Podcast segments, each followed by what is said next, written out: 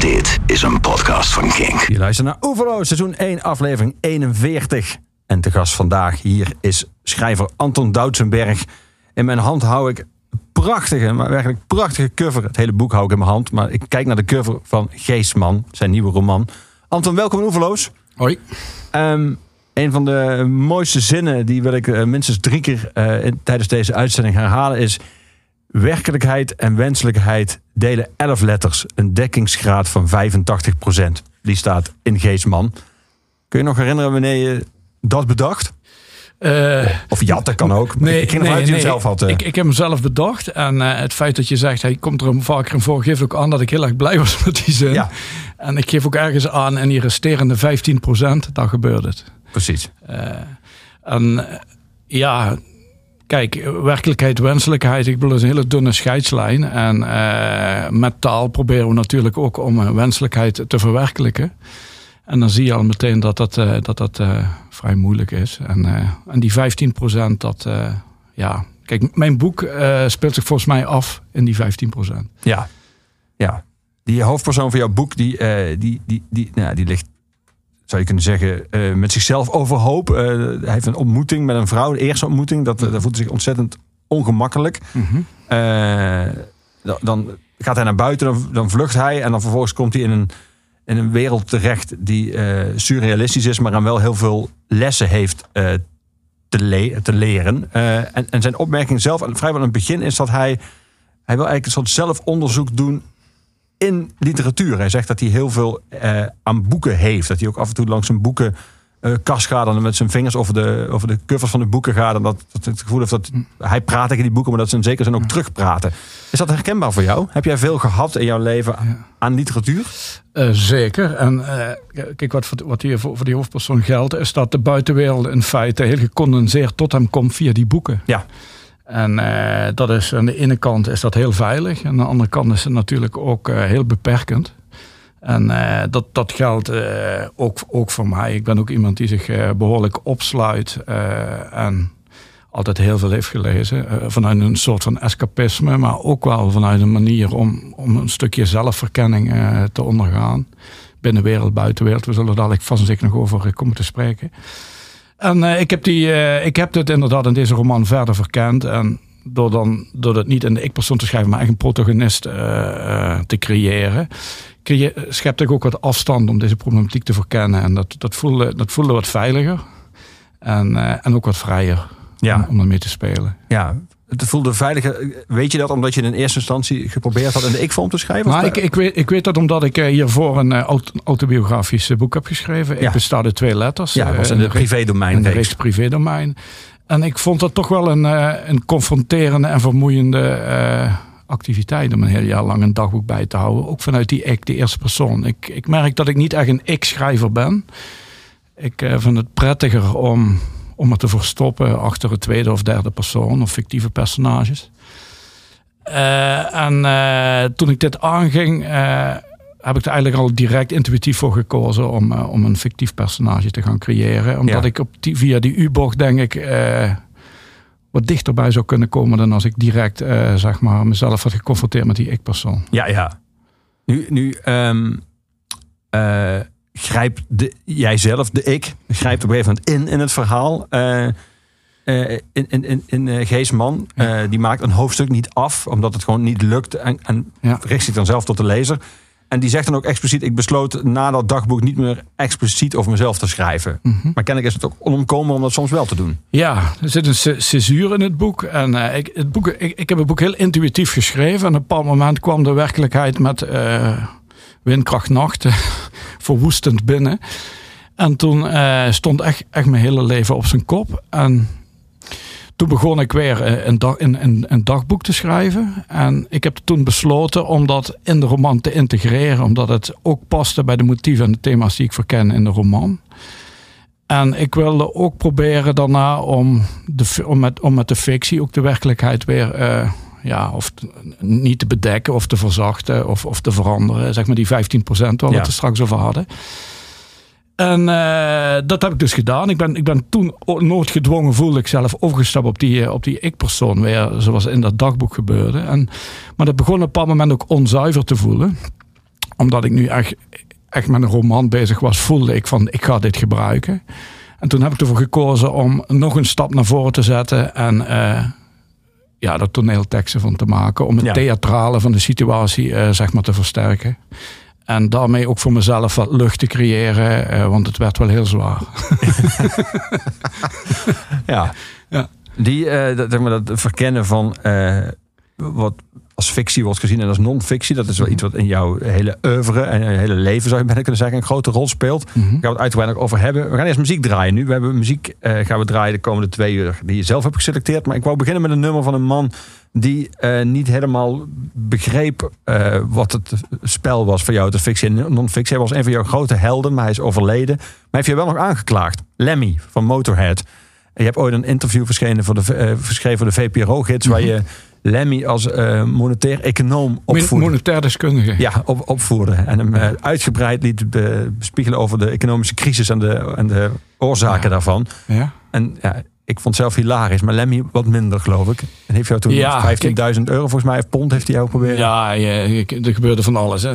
Zal ik even heel kort er iets over, ja. over zeggen? Ja. Ik, ik werd er door de VPRO gevraagd om... eh, er was een documentaire tegenlicht over, eh, over de flash crash. eh, over zeg maar de bankencrisis. En ik, ik ben ook econoom. En eh, er werd me gevraagd om een ludieke manier... zeg maar, die reeks te begeleiden in. En toen ben ik gaan praten met de redactie van Tegenlicht... en met eh, Hugo Blom van de VPRO-gids. Ik heb gezegd, ik kom met een satirische invulling. En, eh, en en zei ze, oké, oké. Ik zeg, hebben jullie lange tenen? Nee. Dus ik denk, dan ga ik vol op het orgel. En toen zei ik van, eh, ik heb eh, met Lemmy contact gehad eh, van Motorhead. En wat niemand weet is dat hij monetair deskundige is. En hij is op tournee en ik kan... ik kan, ik, ik, ik kan, ik weet niet waar ik het toen in Keulen of zo, kon ik met hem spreken. Of Gelsenkirchen was hij volgens mij, kon ik met hem spreken. En, en toen gaf ze mij groen licht. En dan heb ik drie keer, eh, ik heb een lange, eh, drie interviews met hem gemaakt. Of één lang interview en drie afleveringen gepubliceerd in uh, VPRO-gids. Daar hebben ze hele mooie illustraties bij gemaakt. Zelfs van de financiële vagina. En ik dacht in eerste instantie van, zij... eh, ja, ze hebben wel door dat eh, satire is, omdat ik dat ook heb aangekondigd. Maar eh, dat was niet het geval. En na drie afleveringen eh, heb ik dus aangegeven van ja, ik heb het verzonnen. En toen was ik eh, niet meer welkom bij de VPRO-gids. En, eh, en toen kreeg ik daarna eerst het management... Nee, even kijken. Het management van Lemmy eh, in Duitsland aan de lijn. En, en daarna een advocaat in Londen. En er kwam inderdaad een eh, behoorlijke hoge rekening mijn kant op. En toen heb ik alleen maar geantwoord... In the name of rock and roll, please send me to prison. En toen heb ik nooit meer wat gehoord. Heeft dat jouw eh, verhouding met Lemmy veranderd? Als jij Motorhead hoort, moet je dan nog denken aan... eh, dat hij Ja, kijk, hij, werd 65 en hij laat zich altijd voorstaan op zijn humor. Ja, En ik denk, eh, ik, ik, ik had gehoopt, of ik had eigenlijk gedacht dat hij dit wel eh, zou kunnen waarderen. Dus, eh, maar ik, ik, ja, ik ben, het is gewoon, het is toch niet zo'n hele slimme man. en ik, ik kan het hem misschien ook niet kwalijk nemen, maar ik heb er wel een, een beetje een vreemd smaakje in overgehouden. ja. Hier is eh, Motorhead met Ja. In the Name of Tragedy. Die leek me wel toepasselijk hier.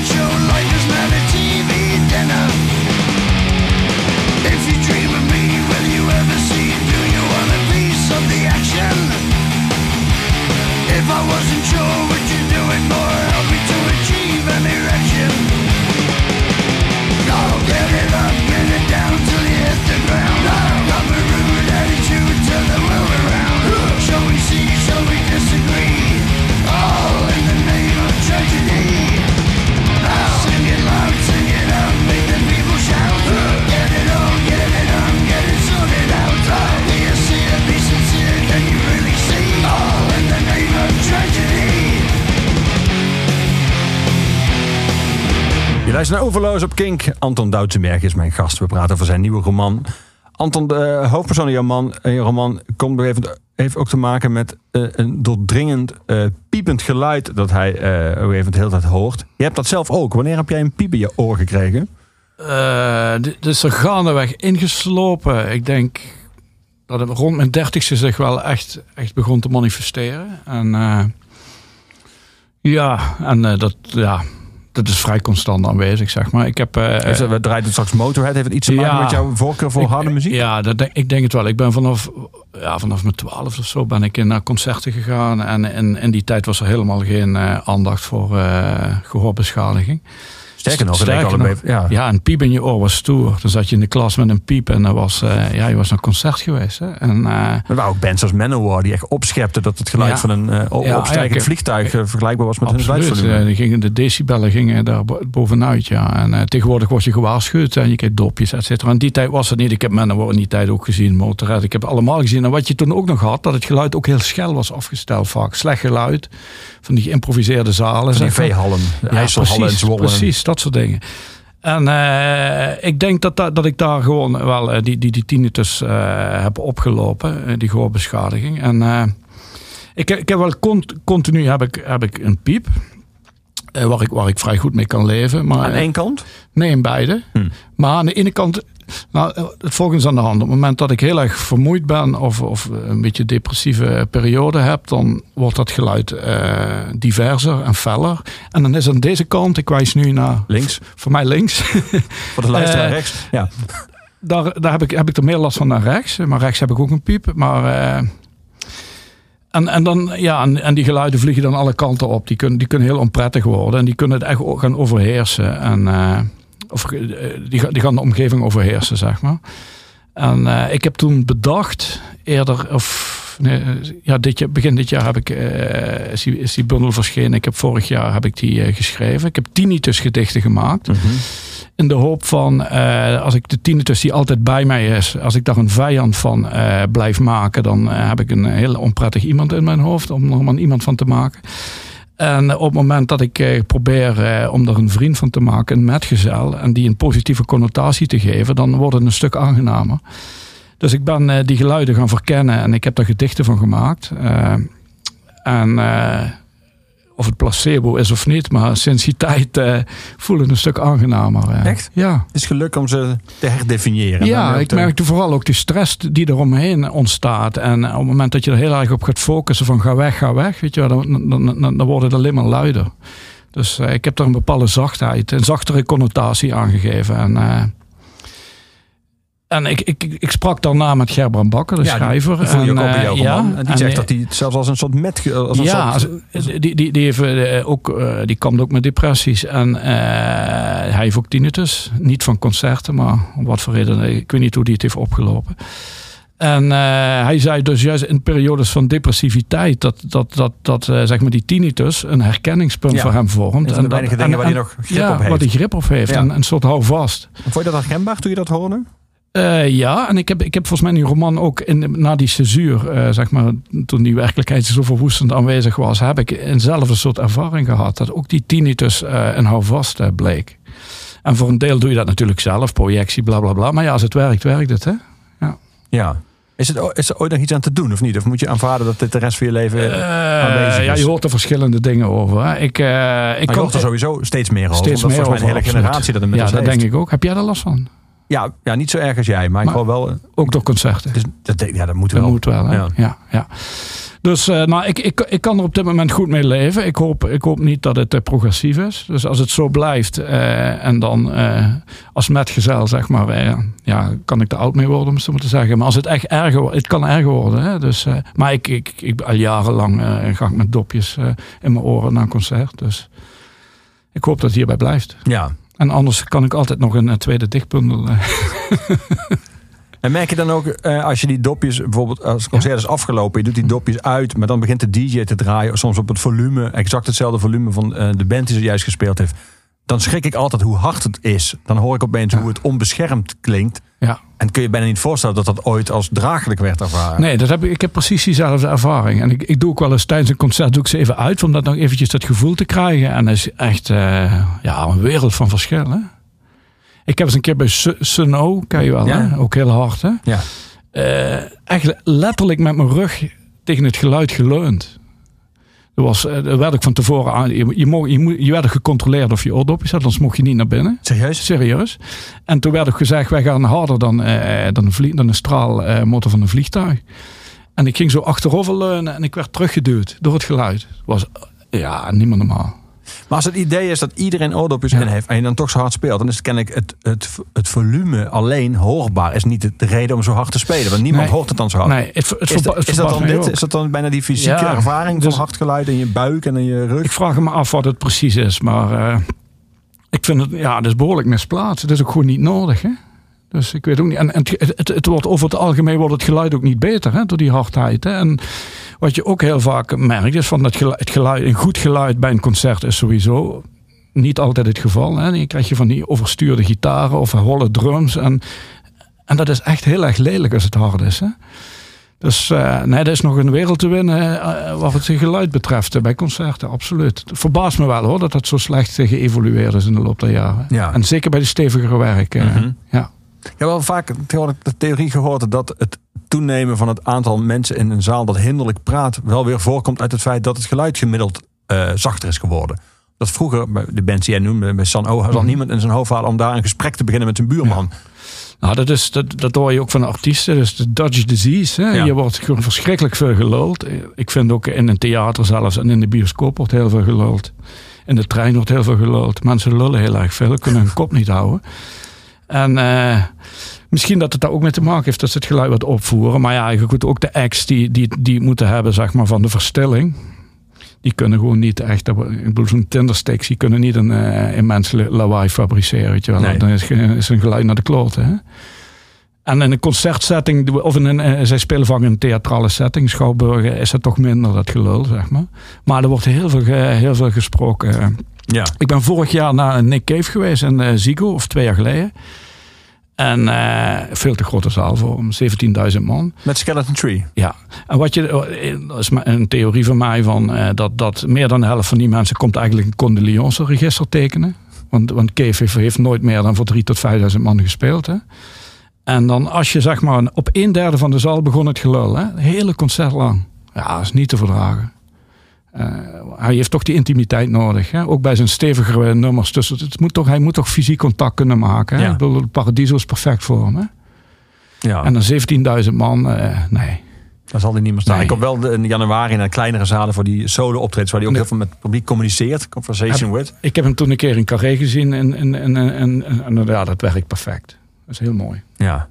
We gaan iets heel anders draaien dan Nick Cave en dan zojuist Motorhead. Eh, dans je de hele nacht met mij heet het nummer. Kun je het even uit... eh, Ah, in de versie van Karin Kent. Hè? Klopt. Ik, ik, ik, ik, eh, ik heb altijd heel veel last gehad van dwanggedachten en neuroses. als kind al. En dat ging van dat ik verplicht in lampen moest kijken of de grond moest aanraken en dingen moest tellen. En heel dwangmatig. Ik heb daar heel lang last van gehad. eh, en ik, eh, ik had daarnaast kreeg ook steeds meer last van depressies, angsten, paniekaanvallen, et cetera. Dus ben ik medicijnen gaan slikken rond mijn dertigste, antidepressiva. En toen namen die dwanggedachten af. En die andere gevoelens gelukkig ook. Heb ik 17 jaar gedaan. En daar ben ik eh, eh, een jaar of vier, vijf geleden mee gestopt. Om verschillende redenen. En, toen kwamen die dwanggedachten kwamen terug in de vorm van het liedje Dans je de hele nacht met mij van de Johnny's versie. Die had ik de hele dag in mijn hoofd zitten en ik werd er door mensen op gewezen dat ik die begon te neurien. Of, eh, en eh, ik kreeg het niet uit mijn hoofd. En op een bepaald moment denk ik, ja, dat is wel een vrolijk liedje. En wie weet wat er voor plaats komt als je het wegbonjourd. Ja. Maar wat me wel gelukt is, is om eh, de versie van de Johnny's te vervangen door de versie van Karin Ken. Die heb ik heel vaak geluisterd. Die vind ik iets serieuzer. Ik zie die bakkenbaden niet voor me de hele dag, weet je wel. En eh, ik, ik meen het echt serieus, helaas. En eh, ik heb nu, ja, de paar keer per dag begin ik uit mezelf te, te, te. Dat zit gewoon eh, voortdurend in mijn hoofd, het liedje. Als een loop gaat het maar door. Maar ik wil het niet erger maken dat nu te draaien. Of maakt dat eigenlijk niks meer uit? Nee, nee, maakt niet uit. Het is hetzelfde met die tienen. Paar moment moet je het accepteren. En ik ben al heel erg blij dat ik die versie van de Johnny's kwijt ben. Want eh, dat werd me iets te feestelijk in mijn hoofd. eh. Ze komt ook een bundel Dans je de hele nacht met mij gedichten aan. Dus het- Ja, ja, je, ja, je weet het dan maar niet. En weet je wat ik, wat ik bij haar... Zij heeft trouwens eh, in het voorprogramma van de Beatles eh, gestaan. Hè, toen in der tijd een blokker. Let op haar articulatie, die is heel mooi.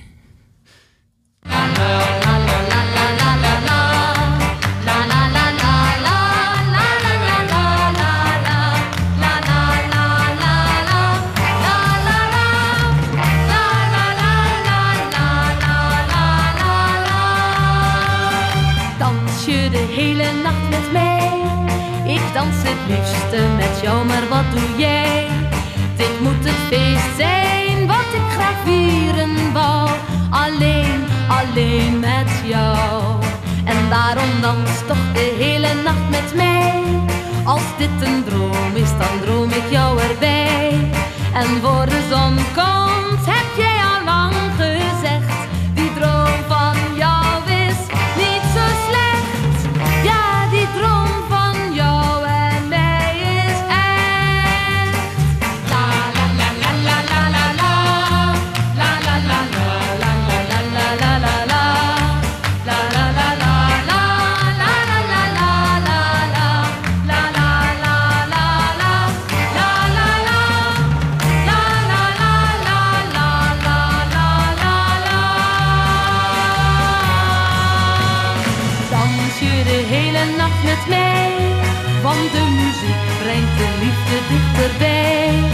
Met jou te dansen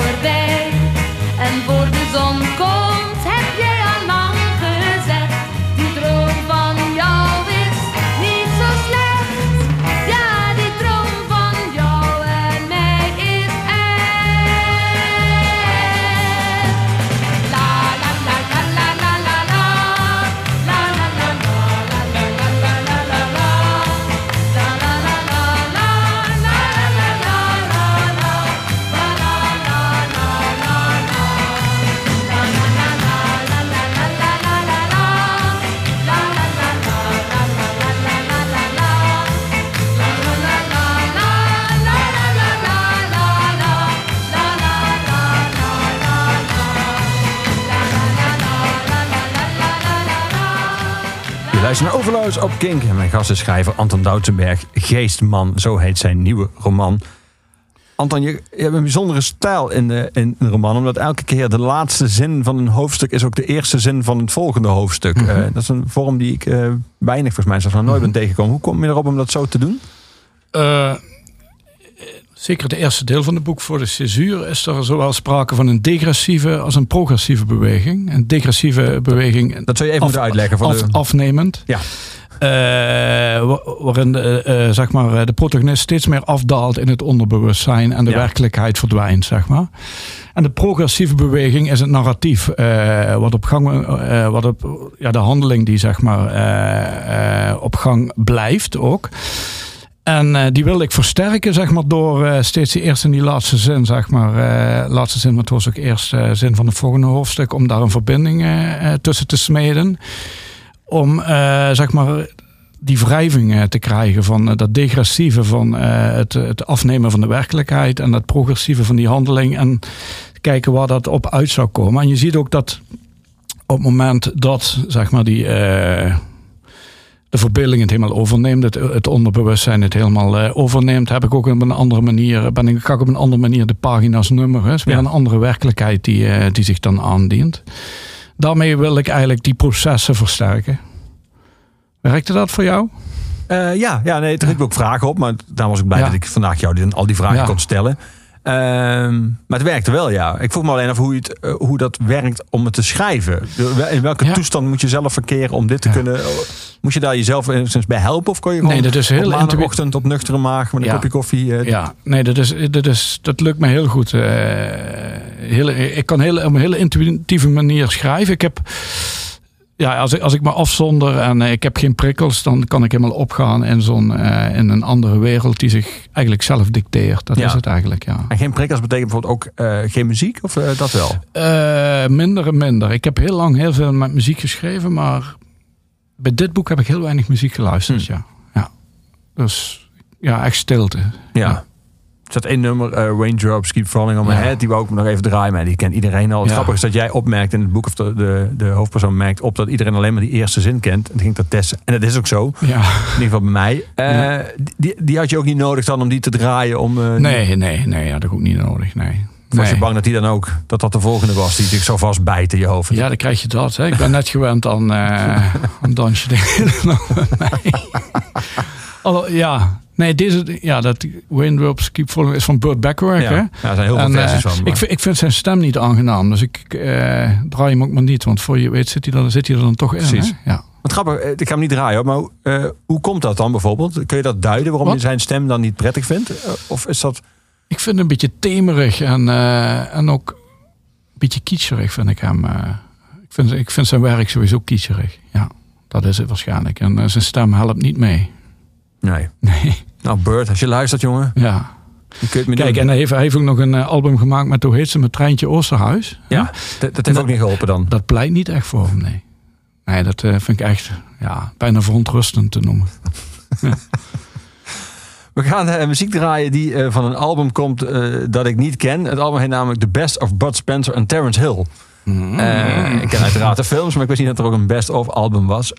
Kun je vertellen welke rol die films in jouw leven Ja. hebben gespeeld? En ook die muziek. eh. Kijk, daarmee de muziek. Kijk, el- el- Tenminste, ik neem aan dat dat de volgorde is. Eerst de films en toen de muziek. Ja, zeker. eh, zeker. Eh, ik ben eh, opgegroeid nabij de grens in eh Heerlen en eh Schaarsberg Heerlen.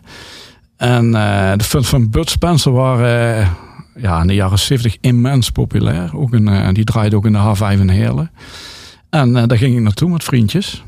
En ik vond het echt prachtig. eh. en ik heb die films, ik heb ze ook thuis allemaal op Duits, eh, op, op dvd's. En eh, ja, ze markeren een beetje mijn kindertijd. eh, het geluk van het toekomstloze, wat je toen nog, zeg maar, volledig voelde. Maar auf Deutsch heb je in de nagezien. ik heb ze ja. Maar waarom? Was dat, waren dat de ja, ik, om, Heerlen om, ja, omdat, omdat nee, in heel in de bioscoop was ze in het Engels nagesynchroniseerd met Nederlandse ondertiteling. Maar op televisie waren ze allemaal af Duits. En wij, wij waren heel erg gericht op de ARD, ZDF. En er, er werd voortdurend werden die films herhaald van uh, Bud Spencer en Terence Hill.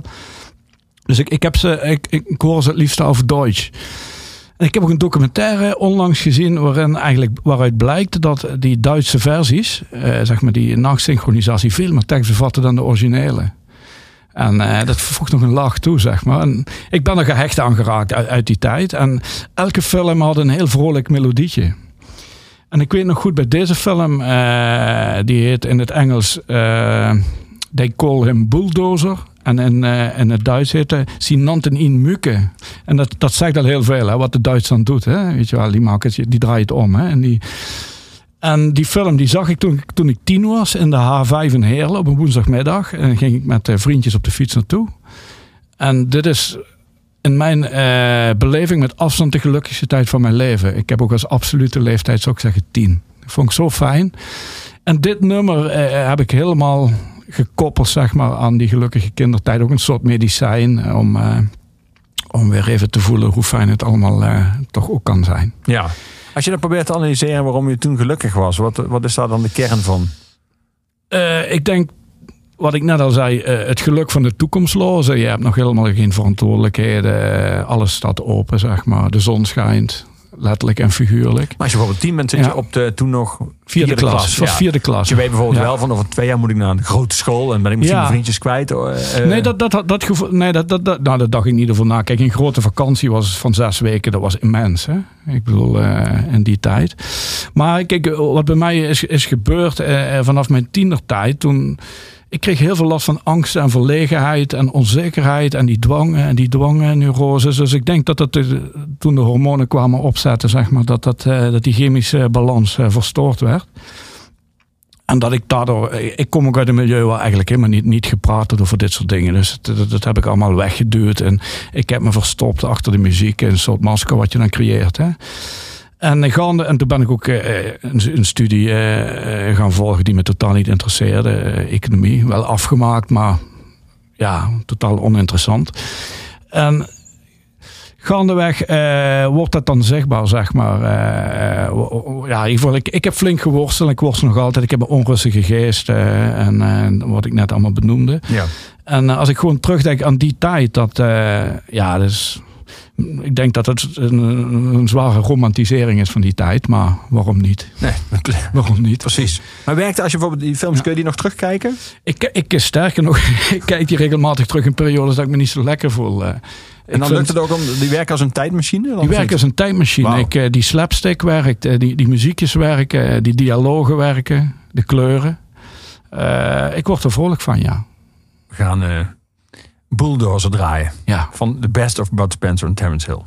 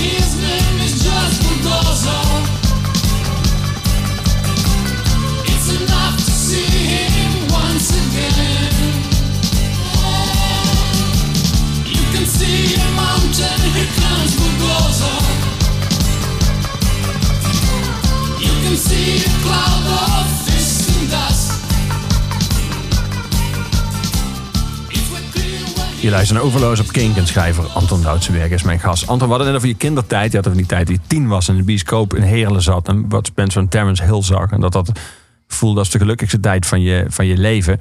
Je hebt eerder een boek geschreven over, eh, je had net over eh, de westelijke of de oostelijke mijnstreek waar je vandaan komt, eh, Zuid-Limburg, de taal ook, het Duits, films die nagesynchroniseerd op televisie, die nagesynchroniseerd op televisie zag.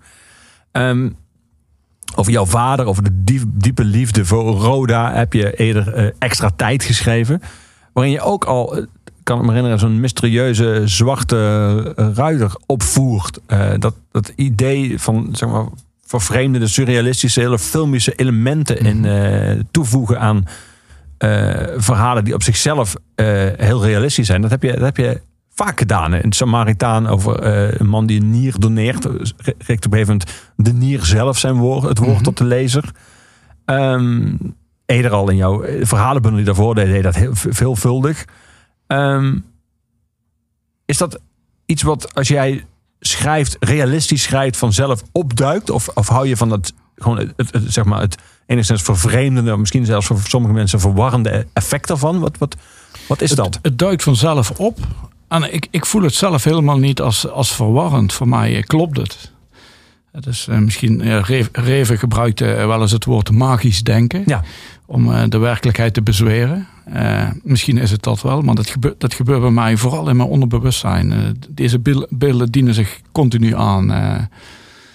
en op het moment dat je gaat schrijven, sta je natuurlijk op wat afstand van de werkelijkheid, om even zo samen te vatten. En dan, ja, dan, dan, eh, dan ga ik los, zeg maar. Dan, nee, maar dan, dan, Ja. dan gaat zo'n verhaal zichzelf vertellen. En eh, die beelden ontstaan. En, en bij, bij extra tijd die, gebeurde dat ook. En ik denk eh, dat dat ook weer nou, een soort archetype wat dan de dood, weet je wel. Als de zwarte ruiter, in dit geval een cow- cowboy om die stoere mannenwereld te verkennen, waar ook in mijn vader functioneerde. Dat diende zich dan aan. En ja, dat is voor mij ook een, een soort troost dat dat soort eh, eh, personages en verhaallijnen zich aandienen om, om de werkelijkheid. Zeg maar, mijn vader die was een sterven. Dat is natuurlijk verschrikkelijk eh, pijnlijk. En ik heb het boek geschreven, weliswaar, nadat mijn vader is overleden. Maar ik heb, je maakt het weer opnieuw helemaal mee. Hè? En dan zijn dit soort ingrediënten helpen mij om het, om het minder pijnlijk te maken, denk Mhm. ik. Ja. Zoals die hoofdpersoon in, eh, in Geestman, eh, zoals hij literatuur beziet als iets waar hij eh, zo bijna een, gesprek mee voert, letterlijk. En, en boeken die ook terugpraten, in zekere zin. Ja. Ehm, werkt dat voor jou ook zo bij schrijven? Bijvoorbeeld de verhouding van jou met je vader, de manier waarop jij naar je vader kijkt, de rol die jouw vader heeft in jouw leven heeft gehad eh, en nog steeds heeft. Mhm. Leer je daar iets over als je het opschrijft en als je er fictie van maakt? Of moet je dat eerst al uitgezocht hebben voordat je het kan opschrijven? Nee, het gebeurt gaandeweg. Het is misschien ook wel een, de performatieve kracht van taal, om het maar even chic te zeggen. Dat je zeg maar, met taal iets kunt bewerkstelligen in de, in de werkelijkheid. Hè? Of, of iets wat, wat je voor werkelijkheid aanneemt. En eh, ja, dat, dat ontstaat gewoon vanzelf. eh. ja, gelukkig. Ja. Gelukkig. Ik kan me herinneren dat je in dat boek een extra tijd op het eind eh, ook eh, eh, een soort van suggesties aandraagt voor mocht het ooit verfilmd worden, wat dan ingrediënten zouden kunnen Ja, ik, zijn. ik, ik heb na het einde van die roman, als, als het sterven dichterbij komt, heb ik ook een, soort vertraging proberen te realiseren, ook bij het schrijven. Ik heb toen ook voor filmscenario's ge- ge- gekozen, ook om wat afstand te nemen, want het begon heel erg veel pijn te doen om dat op te schrijven. En ik heb bij die hoofdstukken had ik eh, als suggestie aange, eh, had ik eh, Sun O van de Black Album, zeg maar, echt, echt hele vertragende muziek bedacht. Om het, om, om het sterven uit te stellen, dat is het eigenlijk. ja. Ja, dat is niet gelukt. Nee. Nee. Laat er iets van draaien. Want ook omdat je San O net hebt genoemd als die band die je hebt ervaren als de hardste in volume dan band ooit. Waar je letterlijk Ja. kon leunen tegen het geluid. Ja, precies. Laten we het openingsnummer, want de rest is wel extreem lang. Het programma heet wel zo Oeverloos, maar ik praat dan toch liever met jou, eh, Oeverloos. Eh, laten we het openingsnummer eh, van Black One van San O. 2005 alweer draaien. Sin Nana.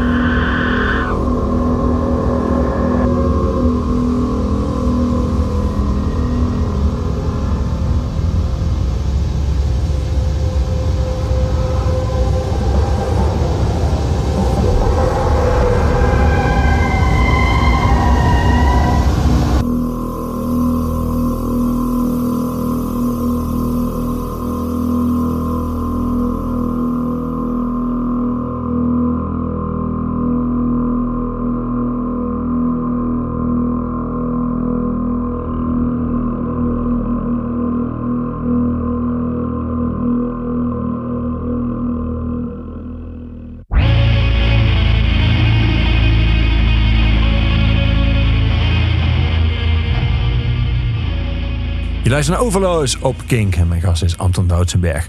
Anton, ook heel gewaagd en prachtig. In Geestman is het moment dat eh, de hoofdpersoon op een gegeven moment eh, een, bundel krijgt aangereikt met natuurgedichten. Wat eh, grafische gedichten blijkt te zijn.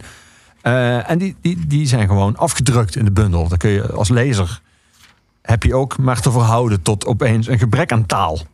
Ehm, hoe kom je daarop om het op die manier te doen? Door niet te beschrijven wat hij ziet, maar dat gewoon echt letterlijk af te drukken. Die gedichten bedoel je? Ja. Ja, er zit, er zit, er zit een verhaal achter die gedichten. Die dat ga ik niet vertellen, maar misschien dat er iemand dat, dat, op, dat oppakt. zit een ontwikkeling in. En eh, ik wilde die eigenlijk eh, volledig eh, afdrukken. Uitgeverij protesteerde heel eventjes. Zei van, is het niet te saai? Ik zeg, ja, als ze het saai vinden, dan, ja, dan eh, bladeren ze er maar doorheen. Dat is geen probleem, hè? je hebt er verder geen last van. Eh, en ik vond het eh, ik vond het wel fijn om, om, om die abstracte gedichten op te nemen. Omdat die ook een verhaal vertellen en Ja. ook een functie hebben in, in, in, in die bundel. natuurgedichten. Ze heten, de titel is van, Vanaf de datakant.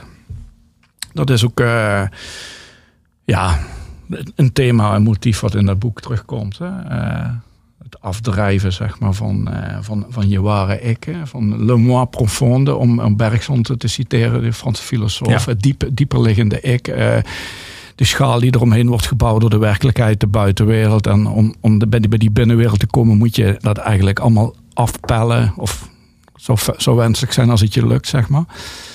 En, eh, en wat, wat hij ook heel sterk had en wat ik, wat ik met hem deel, is de meetbaarheid van eh, de werkelijkheid van eh, het leven. En dat wilde ik eigenlijk in, met die gedichten ook uitdrukken. Wat bedoel je daarmee? De meetbaarheid van de De werkelijkheid? maakbaarheid, de meetbaarheid, de objectiviteit van, van het leven. de algoritmen die bepalen wie je bent of zou moeten zijn. Dat, dat is een ontwikkeling die mij ja, verschrikkelijk irriteert. Is die buitenste schil, ik maar zeggen, wat zich allemaal in afspeelt. En die diepere laag, wie je eigenlijk daadwerkelijk bent. Zeg maar ook het contact met je intuïtieve, eh, eh, met, met je onderbewustzijn, met le moi profond, wat ik zei. Dat is iets. eh, dat is een thema wat ik nu al een tijdje ben het verkennen in mijn werk. En ja, wat me blijft fascineren. In hoeverre de buitenwereld zeg maar binnendringt in jouw binnenwereld. Of in hoeverre die buitenwereld een projectie is van je binnenwereld. En, en, eh, en omgekeerd, zeg maar. Ja, want die hoofdpersoon krijgt op een gegeven moment dat verwijt, zou je kunnen zeggen, Ja. dat hij eh, in de liefde alleen maar de buitenkant bemint. Ja, nee, precies, precies, precies. Nee, dat, eh, dat, eh, dat krijgt hij zeker. Kijk, eh, daar zit ook die censuur in de roman. eh, toen, eh, waarin ik zelf in een huwelijkscrisis terecht kwam. En eh, ik eigenlijk niet verder kon met het verhaal. En toen voor die kunstgreep heb gekozen. En dan merk je inderdaad, als je gewoon heel eerlijk bent. Je, je kunt weglopen hè, bij, eh, bij een huwelijkscrisis. Je kunt de ander de schuld geven, wat je het liefste ook doet. Maar op een bepaald moment, eh, als je echt van iemand houdt, dan eh, ga je met de billen bloot, van bij, allebei. En dan blijkt, je, dan blijkt je gewoon daar een hele belangrijke, blijk- belangrijke rol zelf in te spelen. En, en als je dat dan aangaat, dan, ja, dan, kom, je, dan, kom, je daar ook, eh, dan kom je er ook wel weer uit, zeg maar. Ja. Ja. Wat was de vraag ook alweer waarom ik dit zei van? Je weet het ook niet meer. Nee, ik zit even, ik, ik, Ja. ik meander natuurlijk mee op je antwoord. Ja, precies. Eh, nee, daar kom ik even niet uit. Nee, Maar dat geeft niet. nee. Ehm, Oh, hadden het over die gedichten. Ja. Oh, ja, ja, ja, ja. Ja, nou, en het feit dat die Ja. eh, hoofdpersoon krijgt, daar begonnen we volgens mij mee, dat die hoofdpersoon krijgt te horen eh, als, als een soort verwijt dat hij alleen de ja, die buitenkant buiten- ja precies, de precies, precies, precies. Nee, dat is absoluut eh, het geval. En, en dat, dat diende zich ook in de werkelijkheid aan, zeg maar. En dat, ja, dat heb ik getransponeerd naar die roman. heb ik ook, ook verwerkt, ook met de motieven in het boek geprobeerd om daar wat helderheid in te krijgen voor mezelf. Ja. En nee, dat verwijt dat was absoluut een terecht verwijt, ook in de werkelijkheid, om, om het zo maar te zeggen. Zeker. Ja. Het is natuurlijk een, enorm cliché in de literatuur dat bijvoorbeeld een slechte jeugd een goudmijn is voor een Ja. schrijver. Eh, is, is het, als je met een roman bezig bent met een thema als dit, een huwelijkscrisis uiteindelijk ook een creatieve zegen? Eh, dat durf ik niet te zeggen, maar ik ben wel blij eh, dat ik door die roman te schrijven het kon, eh, het, kon verkennen en kon verwerken. Was voor mij wel, eh, kijk, de helende kracht van het schrijven, om het zo maar te zeggen, heb ik wel ervaren eh, in deze fase. Dus dat klopt wel, ja. Ja, ja. Ja, absoluut. Maar een goudmijn, ik, ik- ja, maar... Ja, voor het alles- dat- kijk, dat is allemaal totaal ondergeschikt aan, eh, aan, aan zo'n huwelijk, zeg maar. En ik ben gewoon blij dat die huwelijkscrisis, dat we die hebben bezworen allebei. En het gaat beter dan ooit. Daar ben ik echt oprecht heel erg blij mee. En dat dat ook nog heeft geresulteerd in een, eh, in een, eh, een behoorlijk deel van die roman. Dat is, Ja. dat is, dat is mooi meegenomen, maar eh, ja, dat is bijzaak. ja. Ja.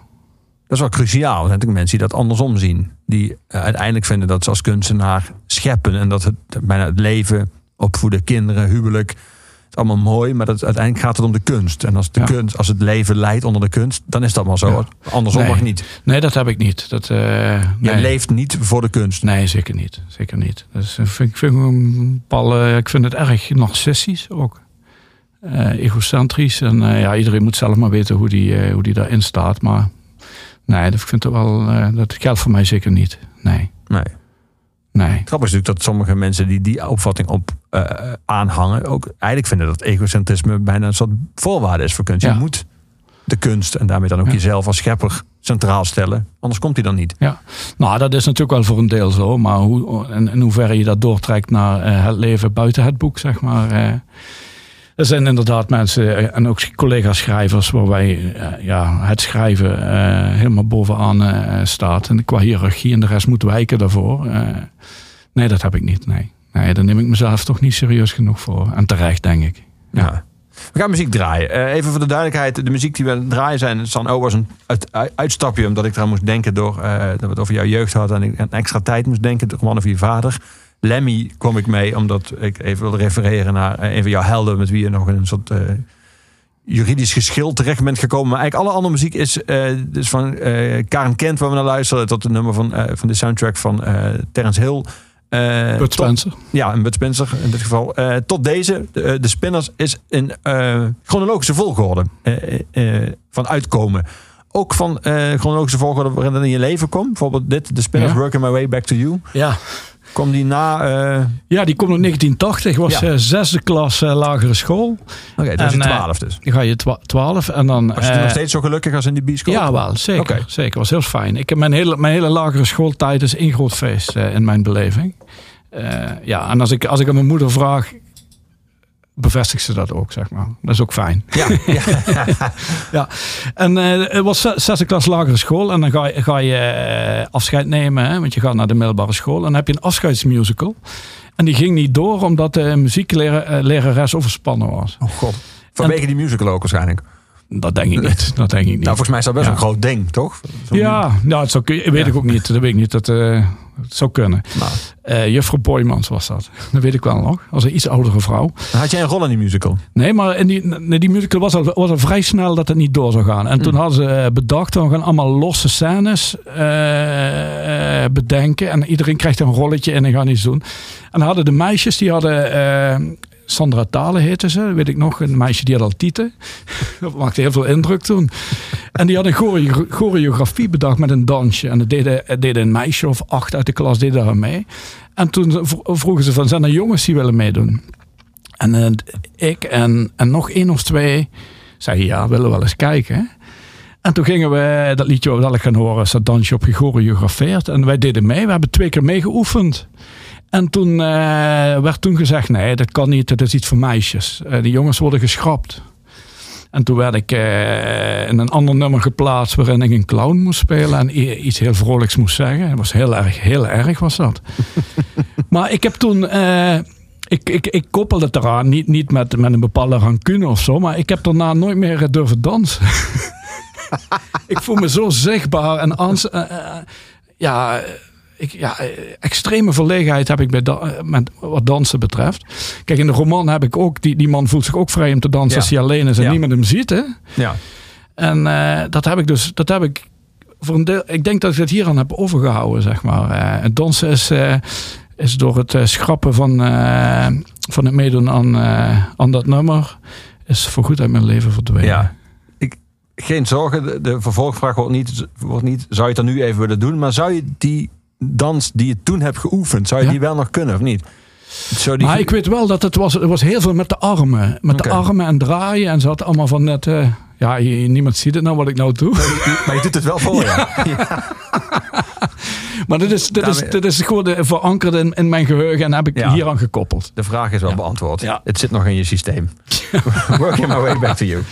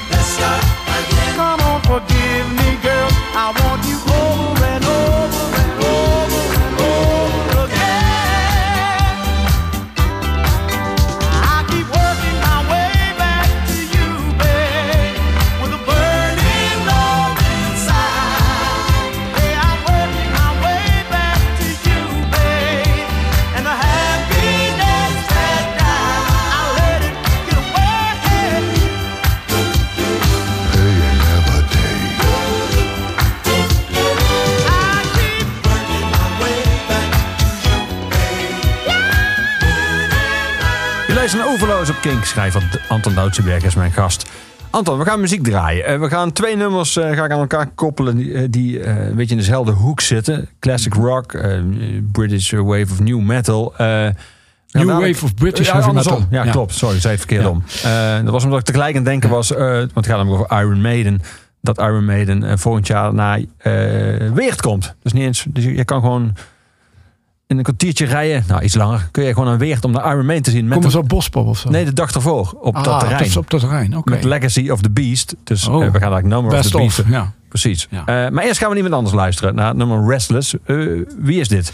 Dus Ian Gillen Ja. van de band Gillen. En ik, ik heb dit nummer gekozen omdat het mijn eerste concert was.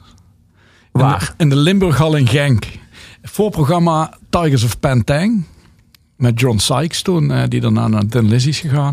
En bij eh Gillen speelde toen eh Janet Gers op gitaar. Dat wist ik toen niet. Maar die is daarna naar Iron Maiden gegaan toen Adrian Smith eigenlijk weg was. Ja. Achteraf blijkt hem dus gezien te hebben in 1981 in de Limburghal in Genk. En die zitten ze allebei in Meden. Nu zitten ze allebei in Ja. Maiden, precies. Ja. Ja, dan ze lopen elkaar ook een beetje in de weg, vind ik. Eh, Ze zijn drie gitaristen. Maar goed, dat terzijde. Het ziet er wel gaaf uit. Dus ze tegelijk Ja, ik vind, ja, maar ik vind wel dat hij zich een beetje aanstelt altijd op het podium. eh, Jenny Gers, een beetje een clown. Maar goed, Gillen was mijn eerste concert. Gillen was weg bij eh Deep Purple een paar jaar. Ja. Hij speelde toen met McCoy, die, die, die kale bassist met die baard. En maakte op mij heel veel indruk eh, wat ik daar zag. En eh, dat was mijn eerste concert dus. Hoe oud was je? Eh 13 of 14, 13 denk ik, ja. Was je met vriendjes? Nee, ik was toen met een eh, collega van mijn moeder op het werk. Die waren, die waren jonger dan, dan mijn ouders, die man en die vrouw. En die, ja, die hebben mij meegenomen. Dat was mijn eerste je, concert. ouders, je ouders waren gerust daarop? Of, ja, die eh, waren gerust want dat waren nette mensen. belangrijk. Ja, en er ging nog een collega mee van mijn moeder. En, eh, dus dat was, dat voor mij een hele ervaring om dat te zien. Gillen de hele tijd op die bongo speelde. En, eh, en vlak daarna ben ik met diezelfde mensen ook naar Van Morrison geweest. In de Rodal in Kerkrade. En wat, wat, er gebeurde ook iets heel erg geks. Na een half uur hield hij op met spelen. Hij was, zat, zat helemaal vol. En... en eh, er stonden fotografen voor het te flitsen. En hij had een paar keer gewaarschuwd, stop daarmee. En eh, dat deden ze dus niet. En toen liep hij weg en ik kwam niet terug. En dat maakte me heel veel indruk eh, van dat iemand dat kan. Dat je volle zaal en gewoon scheiter ergens aan hebben en weglopen. Maar je zegt alsof je eh, het bewonderde in plaats van dat je Eh, teleurgesteld nee, was. ik, ik, ik, ik kon het niet plaatsen toen. Oké. Ik, ik, ik, nu met terug aan de kracht bewonder ik het. Zeg maar, dat die, want ik weet wel dat hij de hele tijd was het mop op die fotograaf. En ze hielden gewoon niet op. Weet Nee. je wel. Eh, En niemand van de organisatie greep in. Is Van Morrison wel een mopperaar? Is een mopperaar, zeker, zeker. Maar dan, ik bedoel, als, als, als, als, als een kind van 13 maakt het heel veel indruk dat Ja. iemand zegt, dit kan permitteren, zeg maar. Ja. Maakte Gillen ook indruk? Gillen maakte, maakte ook indruk, eh, zeker, zeker. Maar, en nu komt het bruggetje naar het volgende nummer. eh, niet veel later ben ik naar Iron Maiden geweest. En eh, dat was voor mij echt ja, niet meer normaal goed. Dat vond ik zo prachtig. En eh, toen was echt mijn liefde voor, eh, voor de metal was toen, werd toen echt, echt geboren. Bij Gillen nog niet. Ik vond, misschien was ik ook weer een jaar jonger. En eh, ik was ook een beetje bang. Wat gaat er gebeuren? Weet je, allemaal mensen met lange haren en harde muziek. En, maar bij Rainbow ben ik ook alleen naartoe geweest met een vriend. in Kerkrade op de fiets. Dat was echt voor mij... nou, dat vond ik echt... Toen was World Peace Tour. Eh, begonnen met The Where Eagles Dare, die filmmuziek. Hè. En eh, ja, dat vond ik echt eh, imposant. Dat heeft mij eh, zoveel indruk gemaakt. Ik ben ze toen ook in de jaren tachtig echt blijven volgen. Daarna een beetje afgehaakt. Maar dat, eh, die liefde blijft wel, ja. Ja. Dat was echt... eh, Die was misschien Iron Maiden ook wel iets te overdonderend geweest als allereerste concert. Dat is was zo- de derde, maar wel... Precies, dat je Ja, het, het, het opgewarmd was theatraal. Weet je. Er komt die Eddie komt dit podium op. Hè, en eh, Number of the Beast met die stemmen. Oh, to you. Je hoort het al. ik, Hè? Dat, eh, dat, was, dat was zo groot. Zo'n eh, hele andere wereld waarin ik eh, terecht kwam. Dat, ook het donkere daarvan. En de energie, de kracht. Ja, dat was echt... dat, dat, dat, misschien gaan we het daar nog over hebben. Maar dat, dat is iets waar ik... Dat was voor mij... Wat ik toen net al zei. Van op de middelbare school begonnen. Die angst en die verlegenheid, et cetera. Die metal was voor mij echt een... ja, een masker wat ik op kon zetten. Een, een harnas wat ik kon dragen. En ja, dat gaf me echt kracht, zeg maar, om... ja, om, om, om, om voor te gaan. Ja, dat klinkt heel zwaar in die leeftijd, maar je snapt wat ik wil zeggen. Ja. Dat eh, was echt een heel dankbaar houvast voor mij. Ja. Laten we met die eerste beginnen. Ja. Eh, die je zag in Gillen. de Limburghal in eh, In Genk. Genk. Ja. Restless uit 2000. Nou, dat kan niet. Dat is een 1981. remaster. 1981. Hij is de waarschijnlijk een gere- geremasterde versie in 2007. Maar de origineel is begin jaren 80.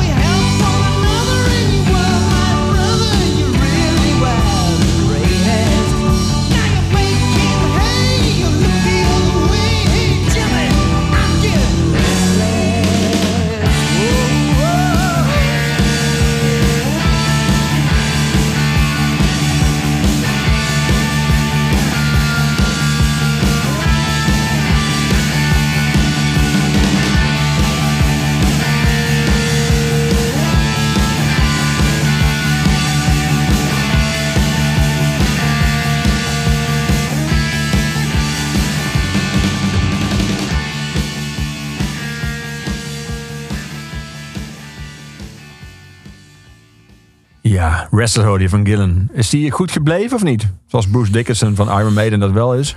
Nee, het is niet, het is, nee, nee, het is, eh, het is niet zo heel. Zijn solo carrière is niet heel sterk, nee. Maar ik vind wel zijn werk met Deep Purple bij Vlagen prachtig. Ik heb hem ook in 84 gezien toen de reunie tour eh, Perfect Strangers. En was, eh, ja, vind ik nog altijd een heel mooi album, ja.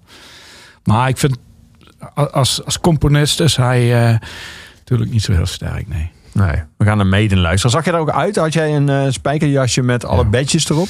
Nou, toen begon ik ze te verzamelen. Hè? Ik had uiteindelijk zo'n eh, zo'n hashje, eh, ja, zo'n patch gekocht daar ook van de World Peace Tour 83. En die, ik had, ja, er zat één grote hè, op de achterkant zitten, dat was bij mij Number of the Beast. En met die pinnetjes hier eh, Ja, ja. bovenop. En eh, ik had allemaal van die patches, zeker. Het was, mijn kostuum was klaar. en ik, moet, ik weet ook nog dat een, eh, een meisje bij mij te klas met een iets oudere, een oudere vriend, die was daar. En die had een drumstick van Nicky McBrain gevangen. Ja, dat, was, nou, dat ma- maakt het helemaal bijzonder natuurlijk. Ja. Volgend jaar dus in, eh, in Weert. Ja, ik ga wel even. Met, Ja. Met eigenlijk wel een, misschien wel een van de beste tours ooit. Als alle klassiekers spelen. En misschien ook wel een laatste. Kijk, dit, ja, ik, ik, je weet het niet, maar moment moet je wel stoppen. Hè? Ik bedoel, hij is nu nog energiek. Hij rent over het Zeer podium. energiek, eh, ja. Dus indrukwekkende man. Ja, Bruce Dickinson. We gaan luisteren naar The Number of the Beast.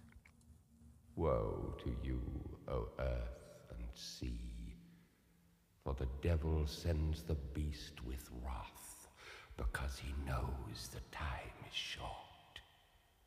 Let him who hath understanding reckon the number of the beast, for it is a human number. Its number is 666. I left alone. My mind was blank. I needed time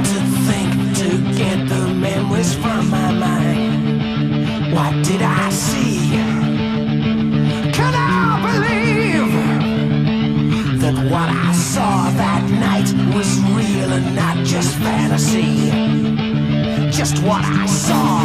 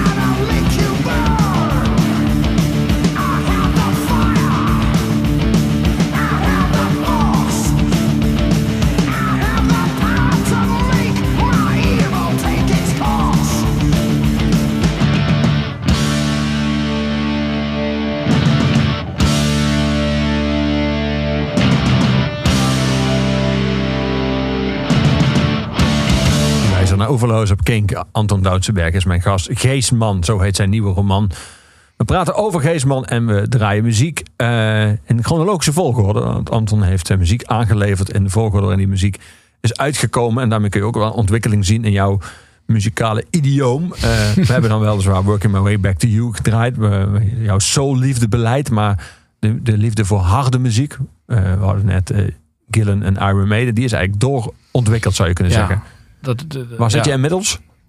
Nou, ik, ben- ik ben vrij breed eh, qua muziek. Ik, ik, ik luister ook naar jazz, eh Americana, klassiek. Ik, eh, ja, elektronica zelfs, wat een lange tijd taboe was. Voor mij dan. En Ja. rap ook.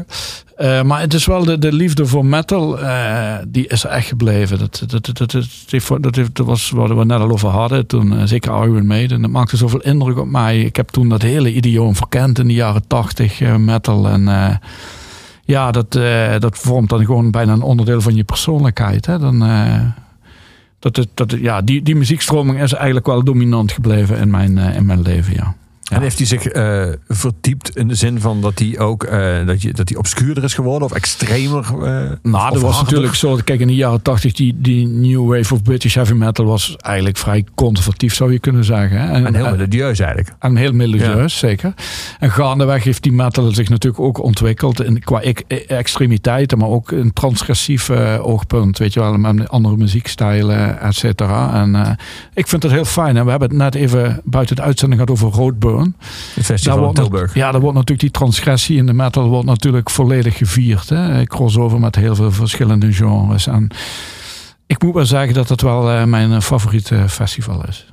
Ja. Ik vind het echt prachtig. Dat komt eigenlijk, zeg maar, met, zou je kunnen zeggen, met harde muziek als, eh, als Ja. kern. Dan komen er alle deelgebieden Ja, aan bod. Alle deelgebieden aan bod. Er komt, er komt ook jazz fusion. Alles zit daar. Ja, ik bedoel, er zijn natuurlijk heel veel muzikanten. Op het moment dat ze wat ouder worden, dat ze ook andere genres gaan verkennen. Hè. In ieder geval, Ja. eh, de, de, dat vind ik de meest interessante muzikanten. En ik vind dat, eh, dat eh, die zoektocht, die, vind ik, die vind ik heel prettig om, ja, om, die te zien en te, en te horen. Ja. Ja. nu ben jij, dat ken ik jou als ook jouw werk als, zeg maar, onderzoekend, ver- verkennend, ook nieuwsgierig naar nieuwe invloeden. Absoluut. Me- metal fans in de traditionele metal worden juist vaak gekenmerkt door een bepaald, zou je Ja. kunnen zeggen, conservatisme. Ja, kijk, als je de Aardschok leest, eh, wordt nog altijd, zeg maar, ja, de klassieke metal hard rock wordt daar gevierd. Hè? En er wordt een beetje met dédain gesproken over... eh, Of- of- Alles daarna. alles daarna en wat, wat een beetje buiten die lijntjes kleurt. En, ik blijf dat blad wel lezen. Ja, ook een, soms ook uit leedvermaak. Ik soms zo slecht geschreven en zo lelijk. Maar ik- ja, ik, ja ik, ik ben er van begin ja- jaren tachtig lid van. Dus ik, ik blijf dat gewoon lezen. Vind ik Ja. wel fijn. Feit dat je lid, lid werd, eh, eh, lid zegt, zegt al genoeg. Want je bent natuurlijk abonnee, Ja. maar het voelt Ja. dan alsof het een beetje erbij bij de club hoort. Ja, dat is, die liefde die is gewoon gebleven. Maar eh, ik vind het wel, eh, ik vind het wel te, te braaf en te conservatief. eh, ja. Ja. Ik, ik ga wel wat verder in, eh, in mijn muzieksmaak dan wat daar eh, gevierd wordt. Ja. ja. En om dat te illustreren gaan we nu luisteren naar het nummer Forward. Hoe Ja. heet de band? Anal Natrak. En eh, dat is dus, eh, die naam komt voort uit een, eh, ik heb het opgezocht, ik wist dat ook niet, een, een charm, een toverspreuk van Merlin in, in Excalibur 1981 van John Borman. En waar het nummer precies over gaat, kijk, ze publiceren geen tekst, maar wat ik wel weet is dat nummer is, wat, wat die zanger en tekstschrijver heeft geprobeerd hier, is de angsten van eh, de loopgraven van de Eerste Wereldoorlog te verklanken. En wat ik daar zelf op geprojecteerd heb, op een bepaald moment hoor je een soort engelengezang tussendoor. Alsof eh, bijna de dood longt. Hè, van, eh, en we moeten door, door, door. En die loopgraven is die engelen die, ja, die, die, die, die als een soort sirene lokken die soldaat al bijna de dood in. En je hoort ook tussen, tussendoor, ik dacht eerst dat een, reken, eh, een rekenapparaat met ping of een, of een soort typemachine. Van ja, weer een paar doden bijgeschreven, zeg maar. Dat, eh, dat zou je eraan kunnen koppelen. En waar ik ook aan moet denken bij dit nummer, toen ik het eerst hoorde, had ik dat al. Ken je de film met Jerry Lewis, eh Who's Mining the Store? Waarin hij die typemachine act heeft, dat hij in de lucht typt. Ja, en er zit, er zit eenzelfde soort eh, geluid in, eh, wat ook hier in dit nummer zit. Dus ik, ik moet op een manier ook aan Jerry Lewis denken. Dus ik maak het nummer wat lichter, zeg maar. maar het is vooral, denk ik, het, het aftellen weer een paar doden erbij, tak. Maar dit is, dit is een van de, is misschien wel het krachtigste nummer uit eh, 2018. We gaan er naar luisteren. We gaan ons schrap zetten. En hier, hier mag, dit is wel muziek wat volume een beetje Ik heb, ze live, ik heb ze live gezien op een What Ik Dead Fest dit jaar. En het viel heel erg tegen. Was, het geluid was echt soep. Oh, wat zonde. Ja, was heel erg zonde. Ik heb ze een keer eerder gezien, een jaar of negen geleden. Hadden ze bijna alles op tape staan. Waren ze met z'n tweeën. Dat werkte vreemd genoeg beter. En nu waren ze zo'n vol na met z'n vijven. En ik klonk nergens na. Forward.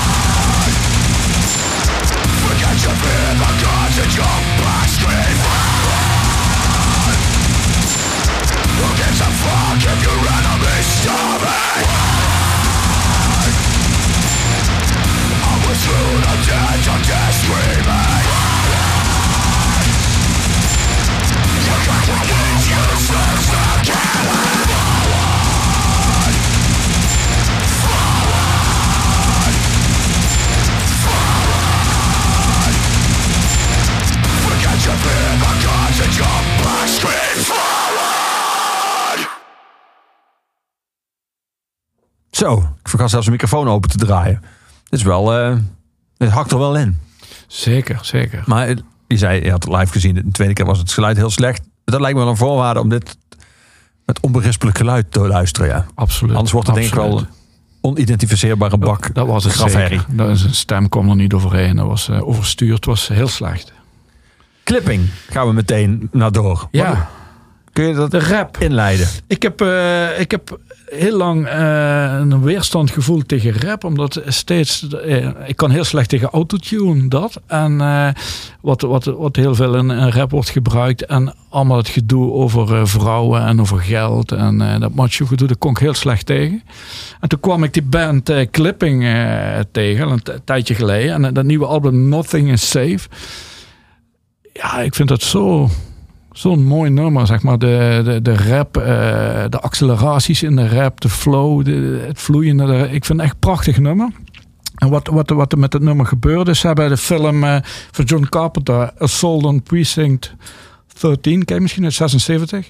Waarin die ge- gevangenen en politie samen eh, zeg maar, moeten groeperen om zeg maar de bendes tegen te houden. Ja. Hij heeft het omgedraaid, zeg maar, in dit nummer. eh, waarbij zeg maar, de politie de agressor is.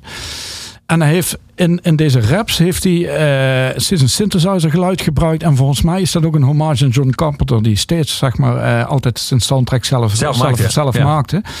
En het, het, het dissoneert op de een of andere manier met zijn raps. En daardoor ontstaat er een bepaalde wrijving die, die ik heel, veel, heel, heel goed vind werken in dit nummer. De raps worden er vloeiender door, zeg maar. Eh, ja, ik vind het een heel mooi nummer. Lekkere energie. Ja, we gaan er naar luisteren. Even één ding nog. Je zei, dat, Ja? dat hoorde ik opeens. Maar hoe komt dat op jouw pad dan? Hoe komt of het algemeen muziek, nieuwe muziek bij jou terecht? Ik, ik, le- ik lees nog altijd bijna alle muziekbladen. Ik eh, luister veel via internet. Niet alleen de aardschok. Niet alleen de aardschok, nee. Clipping.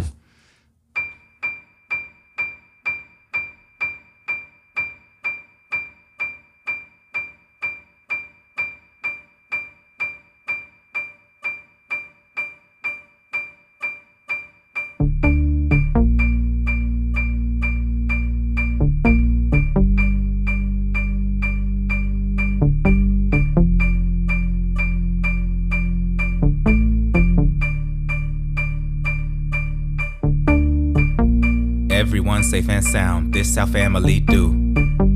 Only homies around, everyone here is crew. Something foul in the air, something feeling askew. Wind is in the pipes, is that whistle calling for you? Don't holler, it's cool. Windows boarded and sealed, doors are bolted and locked.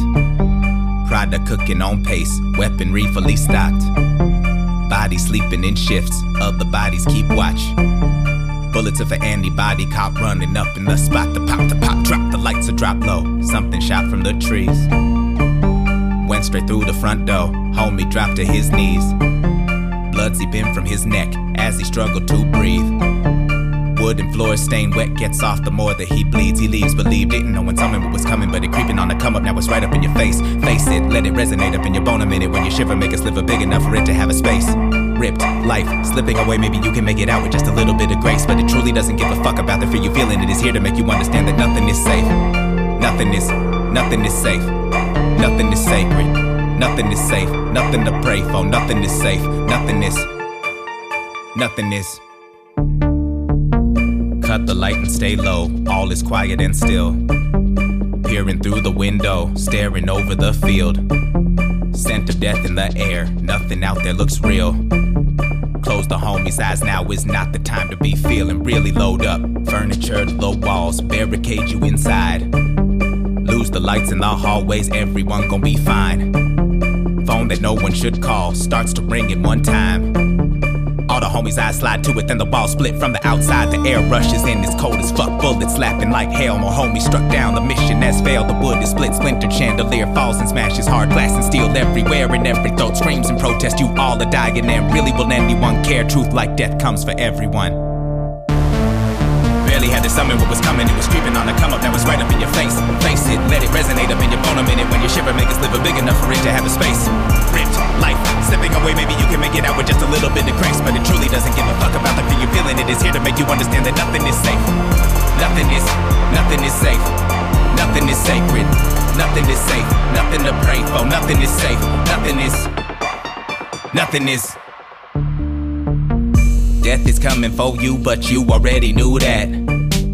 Thought the click up brought you some safety up in this pack. But that didn't add up, back up, stand up, strike a pose. What you get up, that's what they like, you suppose. They go rack up, stack up, that stuff that you stole. But the fact of status wrapped up in black coat caskets cannot be ignored. Running so fast, it had an award. Homies got gas for cash from that score. Y'all could have made a dash just after one more. So you put up on the gas and smash round the corner. Only one man was sent to the coroner. Wasn't part of the plan, but damn, the fast forward whip was too quick to flip and fast forward. With the past smashed every wall, pillar, and floorboard. Ashes to ashes, dust in the lung. Fire now on everything, gasoline been poured. Last piece of action for you succumb. Just catch a glance of what could have done. There's something about how we walks, remind you of someone. You look and see a gun, a man with no face, a golden halo that could be the sun.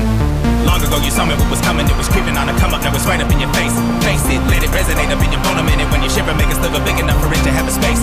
Ripped, life, slipping away, maybe you can make it out with just a little bit of grace. But it truly doesn't give a fuck about the fear you're feeling. It is here to make you understand that nothing is safe. Nothing is, nothing is safe. Nothing is sacred, nothing is safe, nothing to pray for, nothing is safe, nothing is, nothing is.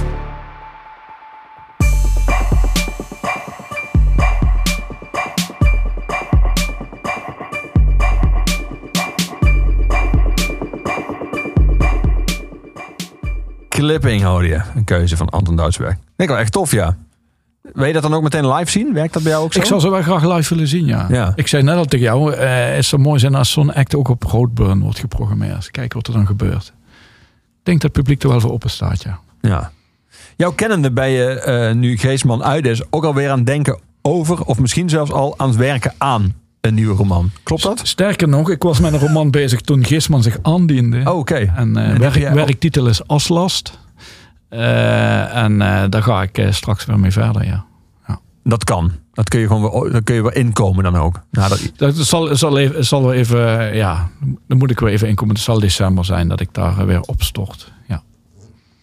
dus je gunt jezelf een maand rust en dan weer verder. Ja, ik heb nu ook wat het, ik, ik, eh, ik stap eh, Explore the North in eh Leeuwarden. Ik, heb, ik, ik ga de openingsreden verzorgen en een half uur. Dus ik, ik moet er even nog goed induiken wat ik daar allemaal ga doen. Dus ik kost ook wat voorbereidingstijd. Ja. Iedere week sluit ik af met, met Gorky. Want Luc de Vos is de huisdichter. Dus het laatste woord is altijd aan Luc de Vos. Jij bent de man achter de Quiet 5 500. De armoede glossy. Dus ik dacht, er is geen beter nummer om mee af te ronden in een uitzending met jou. Dan geef al je geld aan de arme kinderen van Gorky. Dus daar wil ik mee eindigen. Anton, heel erg bedankt dat jij was in Oeverloos. Geestman, uitgekomen bij Alles Contact. Ligt nu in iedere zichzelf respecterende boekhandel. En alleen voor de cover zou je moeten kopen. En vanwege het verhaal en vanwege die prachtige zin over de werkelijkheid en de wenselijkheid. Ehm dankjewel. En we gaan afsluiten met Gorky.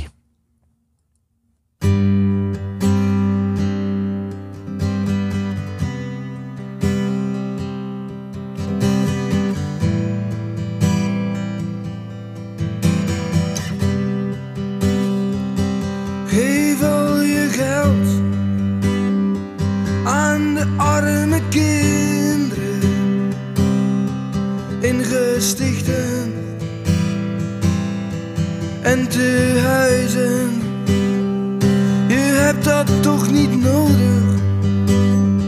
Je hebt dat toch niet nodig.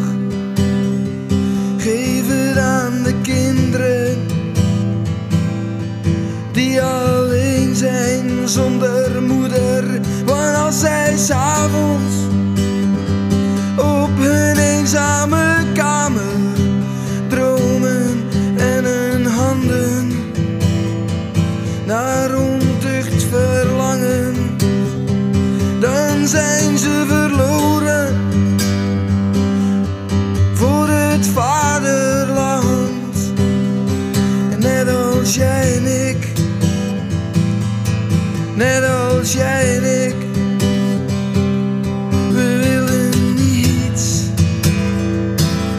En we